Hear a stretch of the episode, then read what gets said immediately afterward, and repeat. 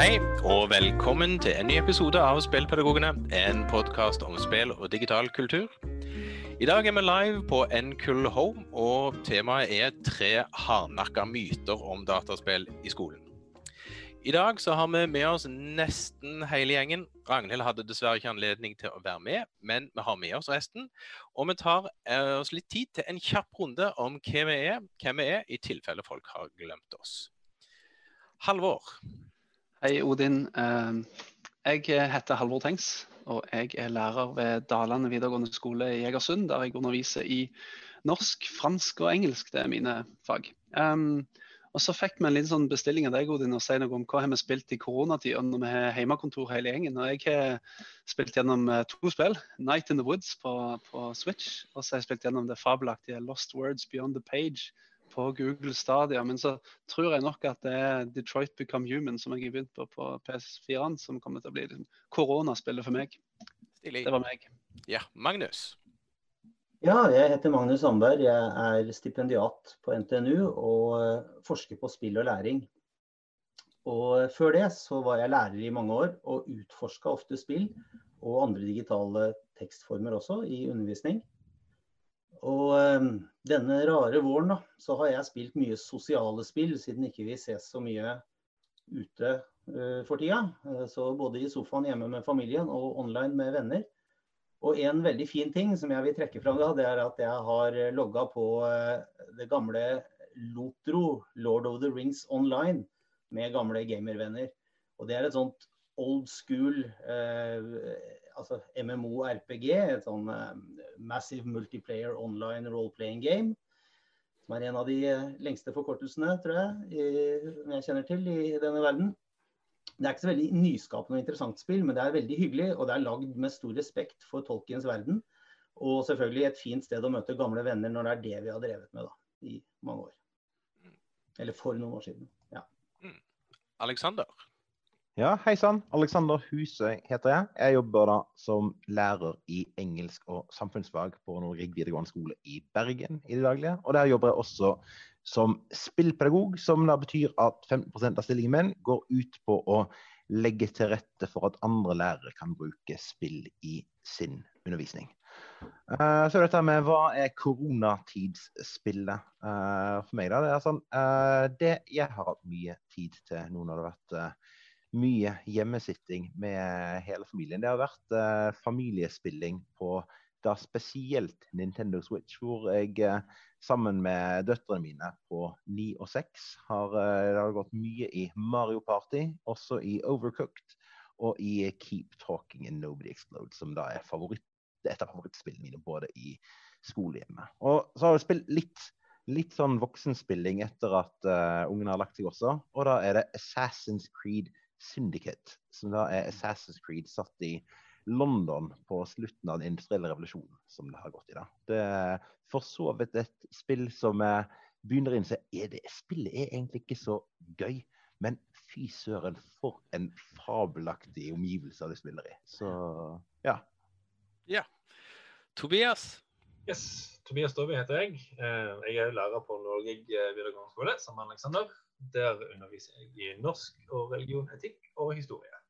Um, akkurat nå underviser jeg bare i norsk, fordi eh, mesteparten av jobben min går til en stipendiatstilling ved Universitetet i Bergen. Og der skriver jeg om spill i etikkundervisninga. I avhandlinga mi er jeg mest opptatt av eh, hvordan spillet fungerer som en ressurs for eh, klasseromsdialog. Eh, hvordan lærere bruker spill som en ressurs når de designer og, og gjennomfører undervisning. Eh, men òg hvordan elevene bruker det som en ressurs når de skal uttrykke sin, sin faglige kunnskap. Um, jeg har også spilt en del Switch så, på, som, som Alexander. Eh, for min del så går det mest i eh, å, å dyrke fram mitt eget lille øyparadis i Animal Crossing. Likhet med sikkert mange andre som har investert mange koronatimer der. Eh, og selv om spillet er litt sånn ensformig, så er det noe med de her små eh, daglige gjøremålene i spillet. og Spillet hele tida har en sånn liten ny hendelse hver dag som eh, gjør det veldig sånn ja, fin koneavkobling i, i sofakroken. I tillegg så har jeg spilt eh, en del Stellaris, som er mitt andre sånn guilty pleasure-spill. Eh, og en del Doom Eternal. Ja. Og mitt navn er Odin Øsen. Jeg er skolerådgiver hos oppvekstsjefen i Randaberg kommune. Men jeg har fremdeles en god fot i praksisfeltet med at jeg har undervisning på ungdomstrinnet nokså fast. I tillegg så er jeg jo en uhelbredelig nerd, som vel nå i disse tider har uttrykt seg med at jeg lykkelig har spilt meg gjennom Half-Life Alex. Og jeg brenner for at dataspill i skolen skal gi elever opplevelser som ikke er så tilgjengelige i andre kulturuttrykk, og at disse opplevelsene må vi bruke på en god måte i undervisningen. Så, Dagens tema som vi har annonsert, det er tre hardnakka myter om dataspill i skolen. I hverdagen som spillpedagoger så møter vi jevnt og trutt ulike ideer og ferdige sannheter om hva dataspill i skolen er eller kan være, når vi møter skoleledere, lærere, foreldre og elever, og ikke sist, og sist men ikke minst mediene. Og ofte så bommer de vel på det vi har tenkt om dataspill i skolen. Så i dag så skal vi lufte de tre mest vanlige mytene som vi støter på, som vi har valgt å kalle de. Og vi har organisert oss sånn at en av oss innleder til mytene, og så fyrer de andre løs etterpå. Og seere her i Zoom må gjerne stille spørsmål i chatten, så får vi se om vi får noe tid til slutt. Eller så blir det gode spørsmål til en senere podkast. Og da skal vi se, bare finne de rette knappene her. Eh, durer vi på med neste første myte, og det er da rett og slett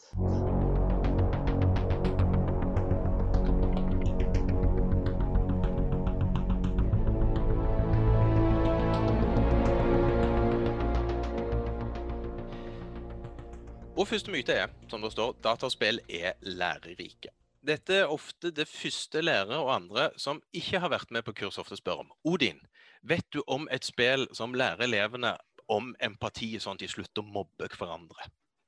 Og Når det begynner sånn, så vet jeg at jeg må forklare en del om hva dataspill i skolen egentlig er. Og Det avslører at de tenker at et spill automagisk skal lære elevene et eller annet som har bruk for i skolen, helt av seg sjøl, uten at lærere trenger å gjøre så mye. Og Det er en forståelse av dataspill som jeg kaller for spillbasert læring fra det engelske uttrykket game-based learning. Og I min verden så har ikke det så veldig mye med dataspill å gjøre. Og Det handler jo om at du prøver å snike en belønningsmekanisme, ofte brukt som, i spill som en del av læringen av faginnhold. Og Dataspill av den typen det gjenkjenner vi lett som øvingsspill, der spilleren terper eller trener på bestemte ferdighets- eller kunnskapsmål, f.eks. Mons og Marte i Regneskogen, eller Dragonbox eller lignende. Faren for å nærme seg dataspill på denne måten er at om dataspill ikke passer akkurat inn i de læringsmålene du vil at dataspillet skal trene elevene opp til, så er hele spillet bortkasta. Du trenger det ikke. Og du har helt rett. Denne typen spill og tenking trenger du ikke, og derfor så bruker jeg det heller ikke, sa han med godt overmot.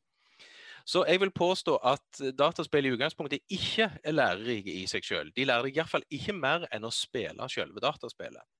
Men jeg kan bruke vanlige kommersielle dataspill og sette de inn i en undervisningssituasjon der jeg bruker opplevelsen, meningsting og ferdigheter som skapes av spillet hos elevene i undervisningen som foregår i klasserommet.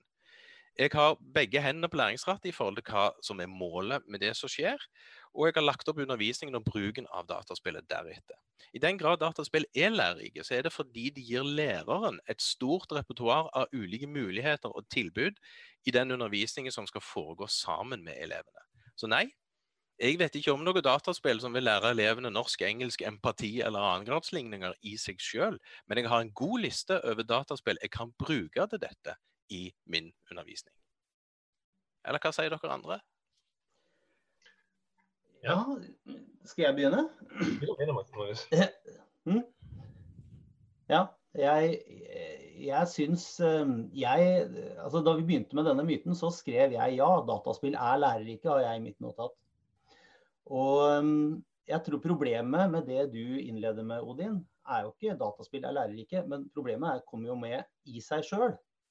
For um, hvis du gir en elev en hvilken som helst annen ressurs, så er jo uh, faren for at de uh, misforstår eller at de fokuserer annerledes enn det læreren vil og skolekulturen liksom ønsker seg, er jo ganske stor. da. Altså, jeg er vel ikke den eneste kanskje som har sittet i historietimer på videregående som elev og pugga årstall. Jeg har i hvert fall hatt masse elever som har gjort det samme og trodd at det var det de skulle gjøre. Eh, så ting må jo kontekstualiseres, ting må jo pakkes inn i en sammenheng. Og der er jo ikke dataspill annerledes enn andre ting.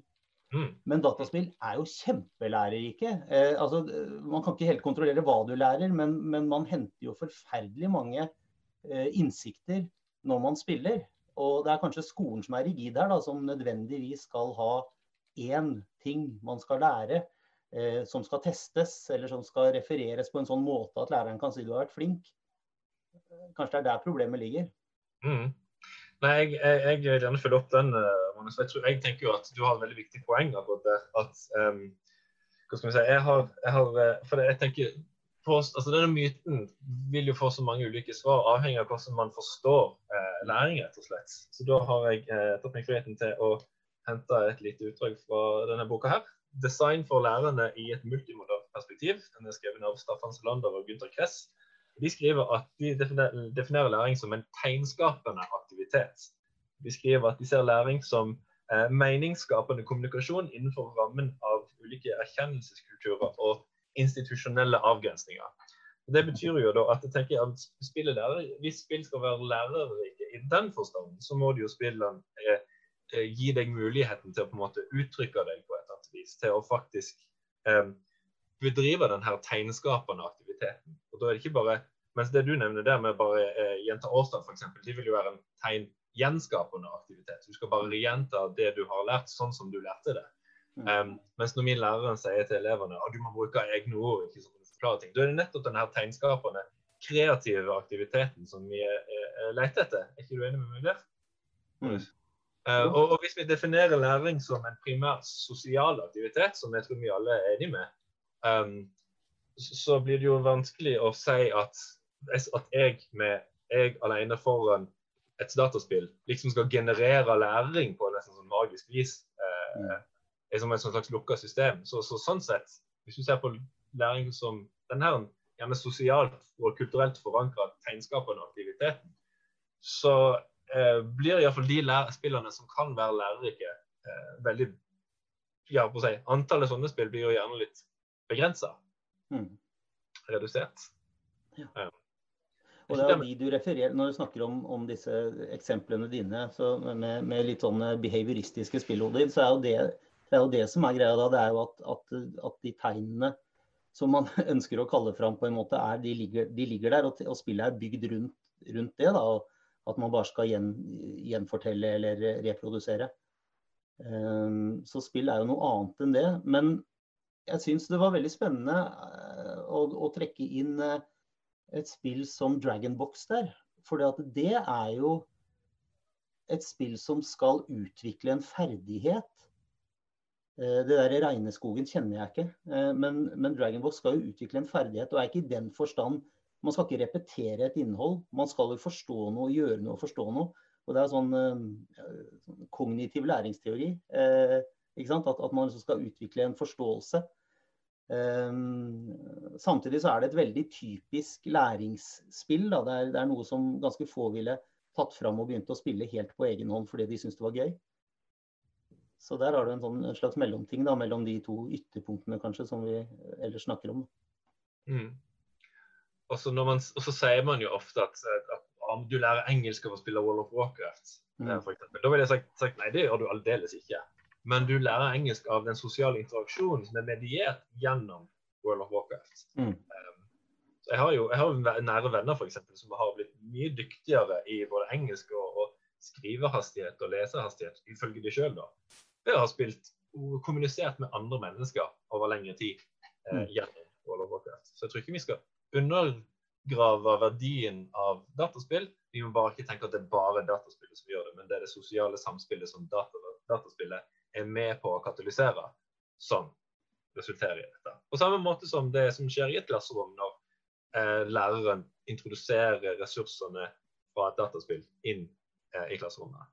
Mm. Men eh, det du sier om World of Warcraft, og at det ikke lærer deg engelsk, det er interaksjonene i spillet som lærer deg engelsk. Er ikke det egentlig flisespikkeri, uh, Tobias? For sånn, de, de, interaksjonene man har i World of Warcraft, det er jo i alle fall etter min forståelse og definisjon av spillopplevelsen i World of Warcraft, så er jo dette en del av spillet. Interaksjonene er ikke noe som er noe annet enn uh, opplevelsen av spillet.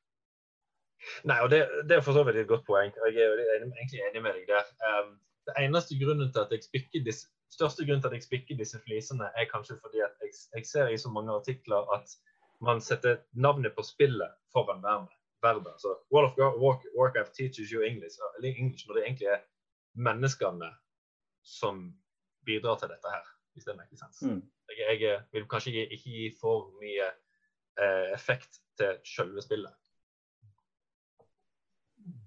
Ja, og eh, altså, det, altså, altså, Jeg sa jo i innledningen her at jeg har spilt en del Assassin's Creed i det siste. Mm. Og uh, Assassin's Creed teaches you architecture? Ja. For eksempel, altså, Assassin's Creed teaches, uh, teaches you architecture. Eller altså, uh, Assassin's Creed teaches you English, for den, mm. for den del. Sånn, sånn at det er, altså, det, for det, uh, i, et, i, et, spill som Assassin's Creed, det er masse engelsk, både skriftlig og muntlig, som du da, altså, som du da kommer over. Men uh, i mange tilfeller i alle fall, så er den engelsken som du kommer over i spillet, det er ikke Altså, det er fullt mulig å spille Assassin's Creed uten å forholde deg til verken, eh, altså, til verken tekst, uh, tekst, eller tale i det hele tatt. For at, eh, altså, spillopplevelsen kan gjøres Uh, nesten uh, uh, altså, altså, kan gjøres nesten uavhengig av, av det språket som, de, som man møter der. Men Uh, men de aller fleste som spiller Assassin's Creed, vil allikevel få en uh, Ja, uh, altså, altså, få en eksponering. få en eksponering for språket, og kanskje også, kanskje også at spillet bidrar til en bidrar til en faglig nysgjerrighet, da, enten det er innenfor språket eller det er ja, Assassin's Creed teaches you architecture, fordi mm. at du har disse her fantastiske byggverkene som da er gjenskapt innenfor mm. denne digitale virkeligheten. Og med den faglige nysgjerrigheten tror jeg vi skal hoppe videre. Ja. du går der, Alex. Da går vi videre til neste myte.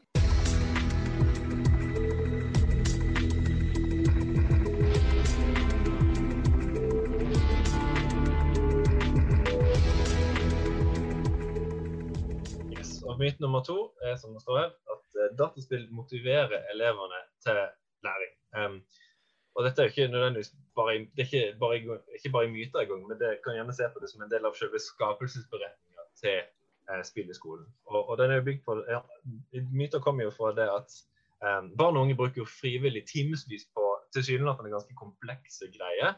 Uh, og Derfor så har mange naturlig nok tenkt at siden, dette, siden, barn og unge finner så stor glede i å spille spill. Det trenger ikke bare være digitale spill, men det kan også godt være analoge spill. Um, siden barn og unge finner så mye glede i de og, og engasjerer seg timevis eh, med å spille og leke, så har de derfor et slags ufullbyrda potensial for å motivere elever til å gi seg i kast med ellers også traurige skolefag. Um, her har tanken, vært gjerne, tanken gjerne vært at uh, spill kan gi krydre og gi spennende smaker til et ellers tørt og kjedelig fagstoff. Um, mens kritikere av denne myten mener at nei, er det ikke mer enn brokkoli med sjokoladetrekk. Som, uh, en metafor sikkert mange har hørt før. Um, og Dette perspektivet finner vi ofte hos enkelte som vil i gang med spill i skolen, og som leter etter ei livbøye for de som holder på å drukne av kjedsomhet. Um, for meg så er et erkeeksempel på disse sjokoladebrokolispillene det er spill som har læringa gjemt læringa eh, i en slags indre hard kjerne, mens, mens spill, spillelementene er liksom en slags sukkersøt belønning for at og nå har du vært flink og løst matteoppgaver eller eh, gjort andre læringsaktiviteter. Nå skal du få lov å spille litt, sånn at spillinga blir belønninger og ikke læringer. Um, så den underliggende antagelsen i disse spillene blir jo at eh, det at spill skal være morsomme å spille, er ikke det viktigste. Det er at de skal først og fremst skal lære deg noe. Så det at de er morsomme, litt sånn på sida. Um, altså jeg, jeg, har sjøl en litt sånn hva skal vi si, blanda, for, uh, forhold til denne myten. fordi at På den ene sida så tenker jeg ikke at det første argument, beste argumentet for spill i skolen er at de motiverer til læring. Samtidig så opplever jeg sjøl mye at min egen undervisning blir kjekkere for meg når jeg tar spillet inn i skolen. Um, og at elevene mine òg syns at ofte er det kjekt å, når vi spiller i skolen. Jeg er ikke sikker på om det er pga. dette er noe nytt og spennende, eller om det er jeg som blir en bedre og mer engasjert lærer når vi tar inn i spill i skolen, eller hva det er for noe. Um, så alle myter har jo, Vi kaller de myter, men de har jo ofte et snev av sannhet òg. Um, så da spør jeg, eh, spør jeg dere, er, er, det sånn at spill motiverer til læring? Er det her en pedagogisk luftspeiling? um, eller hva tenker dere? Aleksander? Ja. Uh, nei, uh, kjør på, Halvor. Du skal få lov til å Jeg bare satt og tenkte på, Tobias, at det du, det du snakker om nå, var at dataspill motiverer til undervisning. Det er jo det gjør det jo definitivt. Jeg kjenner jo meg jo veldig igjen i det. Eh, mm. Men kanskje sånn isolert sett så, så, motiverer jo dataspill til læring ved at dataspill og spilldesign er altså spillene, Gode spill er designa sånn at man, man, ønsker å bruke mange timer for å lære å spille spillet. Men det er jo ikke, altså myten er jo knyttet til skolen som sådan. Så, så jeg, jeg, tror at det er litt ennå da i, i, det som handler om at spill er noe nytt. Da jeg skrev eh, masteren min for noen år siden, så, så rapporterte veldig mange elever om at dette med, med, å bruke spill i undervisningen var gøy fordi det er noe nytt, fordi det er annerledes og fordi det ikke er, det er ikke etablert som en del av den gjengse skolekulturen. Det er litt sånn som det var med, med Kahoot, som var kjempegøy. Eh, det er jo for så vidt kjempegøy fortsatt. Eh, men, men, men, det var kanskje gøyest når ikke så fryktelig mange gjorde det hele veien. Um, liksom. Ja, ikke sant. Så, så, eh, så jeg, tror, jeg, tror, litt av den der uh, nyhetsverdien fortsatt er, er aktuell for, for, den motivasjonsbiten, i alle fall. Så, så, akkurat der er svaret ja. Men så har jeg lyst til å komme tilbake til hvorfor svaret er nei, da. Men det, nå kan du, Aleksander, få ordet litt hvis du ville det. Ja. Jeg vil bare uh, fremheve noe, en, en, nyttig nyansering som ble skrevet i chatten, som Kristoffer skriver, om det er motivasjon eller engasjement. Det tenker jeg kan være viktig å nyansere. Uh, så mm. bra, takk for den, Kristoffer. Det er et viktig mm. poeng. Ja, mm. Alex. Ja, nei, altså, uh, jeg har jo uh, altså, jeg har jo en del utfordringer med å bruke motivasjonsbegrepet når det kommer til, uh, når det kommer til spillundervisning. Det, er ikke fordi at det er noen ting galt med galt motivasjon. Altså, tvert imot skulle vi ønske at både elever og lærere var 100 toppmotiverte hele tiden. Men problemet mitt med å bruke ordet motivasjon i sammenheng med spill i skolen, det er at uh, altfor ofte så blir motivasjon brukt som en kode for noe annet. At sånn, Man sier motivasjon, men det man egentlig mener, det er redningsplanke. Det er, det er altså hvordan er det vi skal motivere disse uh, altså hvordan er det vi skal motivere disse elevene som Uh, sitter hjemme foran datamaskinen x antall timer hver dag og kommer ikke på skolen og gjør ikke lekser og i det hele tatt. Og problemet mitt da, det er altså, det at uh, undervisning med bilder ofte, eller planlegging av undervisning med bilder ofte starter i feil ende. Hvor, uh, hvor man starter med en tanke om at på en eller annen måte så må vi kunne underholde eller lokke, eh, lokke elever tilbake til skolebenken. Altså, og lære de det at eh, skolen det kan være minst like gøy og moro som det er å, eh, som det å sitte hjemme. Og eh, det som blir det videre problemet med det, sånn, altså, for det første sånn, så det legger ikke opp til etter, etter mitt syn i alle fall, så legger ikke det opp til god pedagogisk planlegging. Og på den andre siden så, eh, altså, så underminerer det eh, altså, så underminerer det spill Altså eh, hvilket potensial spillmediet kan ha for, eh, altså, kan ha for alle elever. For det at spill trenger ikke alltid å være altså, trenger ikke alltid å være uh, morsomme og stimulere alle disse belønningssentrene i hjernen hele tiden. På samme måte som uh, altså, på samme måte som det er en kjempestor variasjon innenfor romanmedie eller innenfor filmmedie, sant? hvor romaner kan, være, romaner kan være både spennende og engasjerende, men de kan også Eh, men de kan også være både trauste og triste, uten at det gjør roman A til noe verken bedre eller dårligere enn eh, eh, altså, verken bedre eller dårligere enn eh, dårligere enn roman 2. Sånn at eh, det er for all del det er mye motivasjon som kan være å hente med spill, men det, det er også fryktelig viktig at eh, etter mitt syn i alle fall, at motivasjon det blir altså At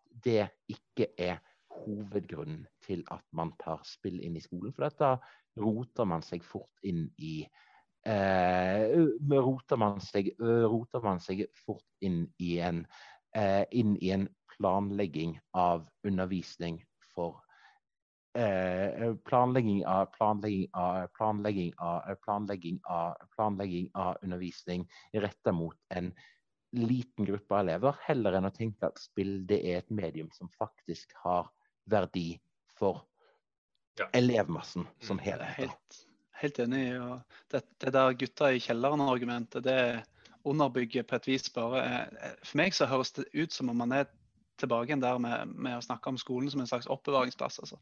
Så jeg tenker helt enig med deg. Man må ha mye høyere ambisjoner for å spille i skolen enn en det. Det, det. det, er et argument som, som, som, rett og slett trekker ned ambisjonsnivået for hvordan man kan bruke spill i skolen. Um, og Det, det syns jeg eh, ingenting om. Uh, og, og, Derfor så er jo svaret på denne myten selvfølgelig nei. da. At det motiverer ikke i seg selv til læring. Uh, gitt, altså, med mindre du, du, går inn med den tanken om at nå skal du underholde noen. Um, et spill som Keep Talking and Nobody Explodes, uh, som handler om å desarmere ei bombe, det er i, og for seg engasjerende. Men hvis du legger til grunn nå at du skal, at du skal lære noe annet enn bare spillet, Uh, jeg, for eksempel, jeg kom nettopp fra en time med fran, noen franske elever der vi uh, holdt på å, å, lære fransk med Keep Talking. Og de syns jo det er ikke nødvendigvis fryktelig motiverende hele veien, men, men, eh, men det handler om læringskonteksten du setter det i. ikke sant? Du må mm. putte det i en kontekst som, som, gir læring, og det er ikke alltid veldig motiverende. Men det er heller ikke romaner, som du nevnte, eller noe annet.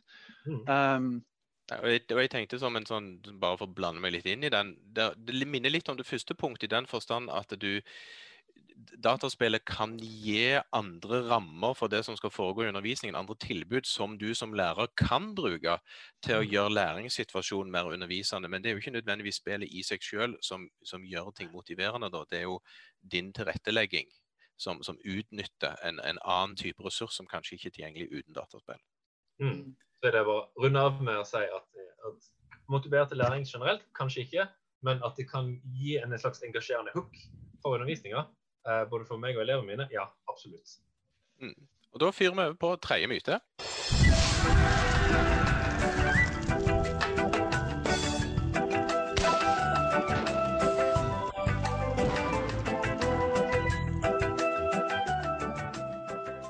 Ja, det er veldig motiverende uh, musikk her i dag, syns jeg. absolutt. Monkey Island, helt riktig. Det er Guybrush og gjengen. Um, hei, jeg heter Halvor, og jeg er ikke spillekspert. Og jeg er heller ikke filmekspert. Og jeg er heller ikke teaterekspert.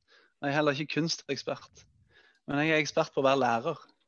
Um, og denne myten her, læreren må være spillekspert, det er kanskje en av de mest kjente tilbakemeldingene som en får etter typisk Eh, kurs eller workshops eller ting man, der man prøver å, å, å eh, misjonere for å spille i skolen til andre lærere. Hvor, hvor skal jeg begynne hen? Hvor, hvor, jeg, jeg, aner ikke hvor jeg skal begynne. Jeg er ikke ekspert på det her. Derfor kan jeg per definisjon ikke bruke det.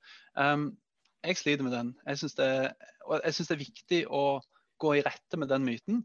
Rett og slett fordi at hvis man skal etablere spill som en del av eh, skolen, som, som, nå kommer med, med bl.a. Eh, læreplanen fra høsten av i engelskfaget, så, eh, så tenker jeg at da må, da må vi vekk fra den myten. Um, jeg har et eksempel fra jobben med, med en kollega som, som, er veldig interessert i spill i skolen. Og som ofte ber om at vi gjør ting i lag og samarbeider inn i klassene og sånt. Uh, og, men rett og slett fordi at hun ønsker å, å komme i gang og, og, og, få til noe gøy og lærerikt og i det hele tatt med spill.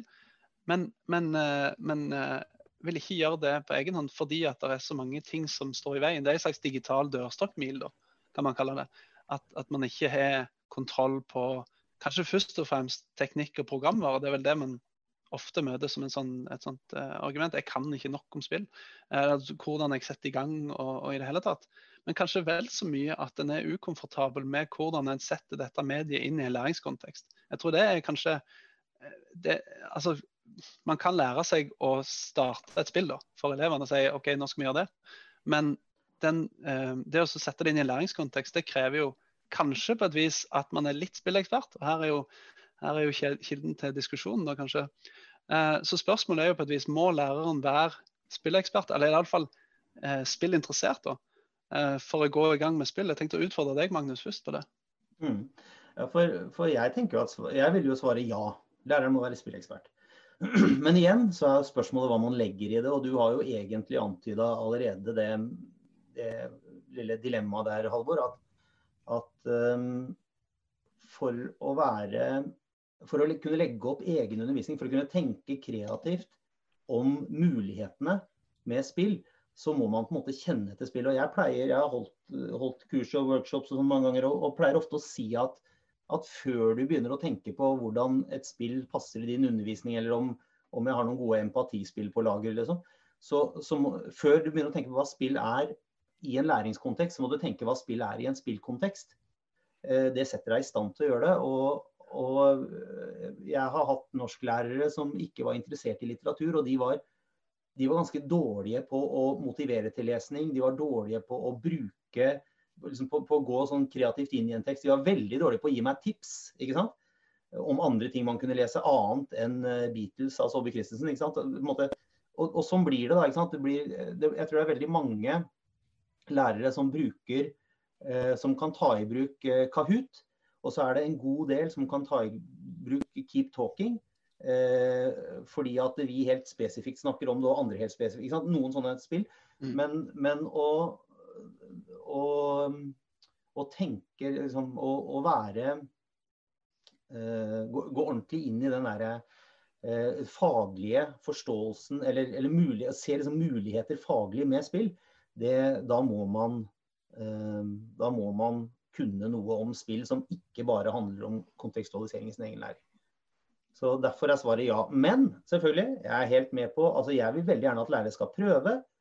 Eh, prøve ut spill og, og, ha noen å holde i hånda. Jeg har sjøl hatt lærere som syntes det var kult å komme inn i mitt klasserom når jeg skulle jobbe med spill. Veldig nysgjerrig, men som ikke hadde filla peiling på spill. Men det, det, er jo kult. Det er jo en positiv interaksjon. Selvfølgelig. Mm. Altså, hvis jeg kan uh, ta det ja, uh, ta det motsatte standpunktet her et lite øyeblikk. Da. Sånn, uh, altså, med noen veldig få unntak. altså, I de aller fleste av de tingene som, de aller fleste av de tingene vi underviser i, er vi ikke eksperter i. Altså, lærere som profesjon. Lærere er, lærere er ikke eksperter. Lærere er generalister. Lærere skal vite skal vite en hel del om, eh, om en rekke forskjellige temaer. Og vi, skal, altså, og vi, skal, kanskje være eksperter på formidling, men uh, vi er jo ikke eksperter på alt vi formidler noen ting om. Og altså, altså, altså, Jeg tenkte mye på dette som, dette som engelsklærer. Altså, at nå, altså, det uh, Uh, det mediet som vi kanskje bruker uh, aller mest i engelskundervisningen, det er jo, uh, altså, er jo novellen. Og engelsklærere de er store gjennomgående ganske drevne på ganske drevne på noveller. Men for at jeg skal ta inn en novelle i undervisningen min, så må jeg ikke nødvendigvis vite alt om den novellen. Jeg må ikke vite alt om i hvilken kontekst ble denne her skrevet. Jeg må ikke nødvendigvis vite alt om eh, forfatterens bakgrunn. Jeg må til og med ikke vite alt om alle de språklige eller litterære virkemidlene som forfatteren har brukt. Sant? Jeg bør vite en hel del, og jeg bør vite, eh, jeg bør vite godt det som er eh, altså det som, er, det som er de viktigste læringsmålene som jeg har knytta opp mot arbeidet med denne novellen. Men Eh, altså, ekspert, det må man samtidig ikke være. Og, altså, og samme, altså, eh, samme, innstilling er det jeg håper at flere lærere tar til spill også. At uh, gjerne gå inn med en sånn innstilling sånn OK, dette er et medium, jeg kan ikke så veldig mye om det.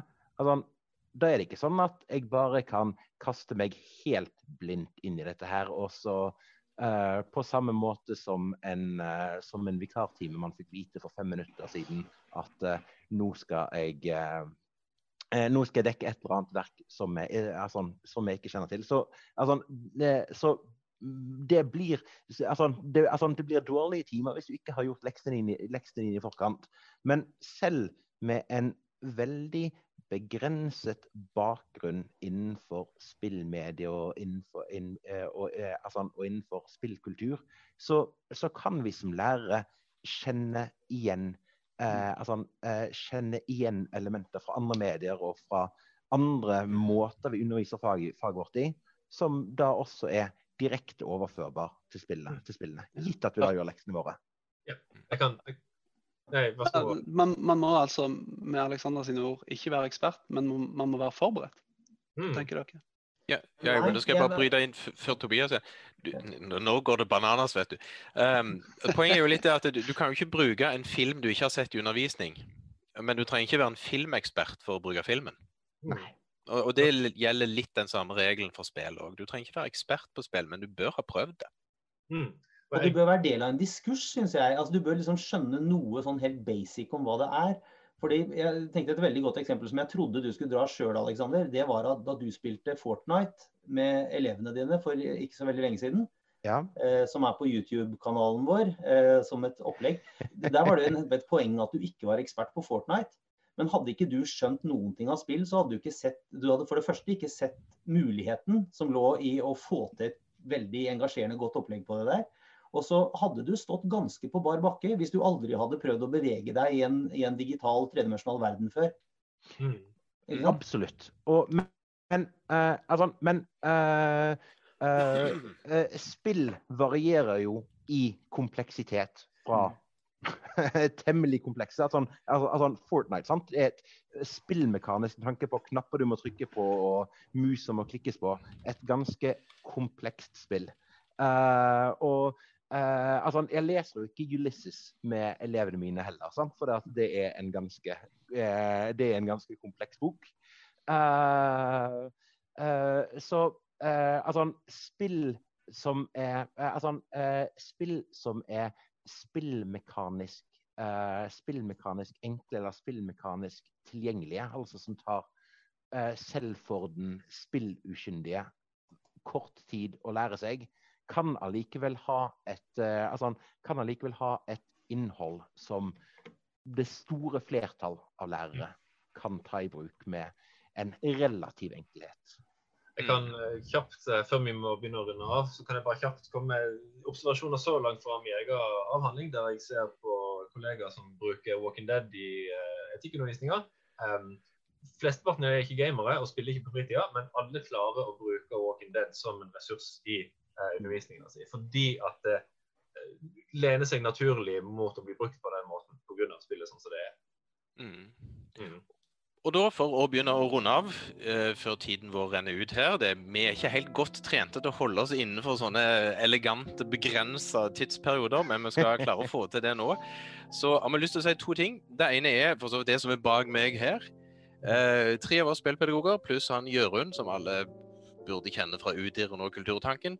Vi skriver bok, eller vi har skrevet. Vi driver nå og legger disse siste korrekturene og er elever der alle må rette alle disse røde strekene fra forlaget.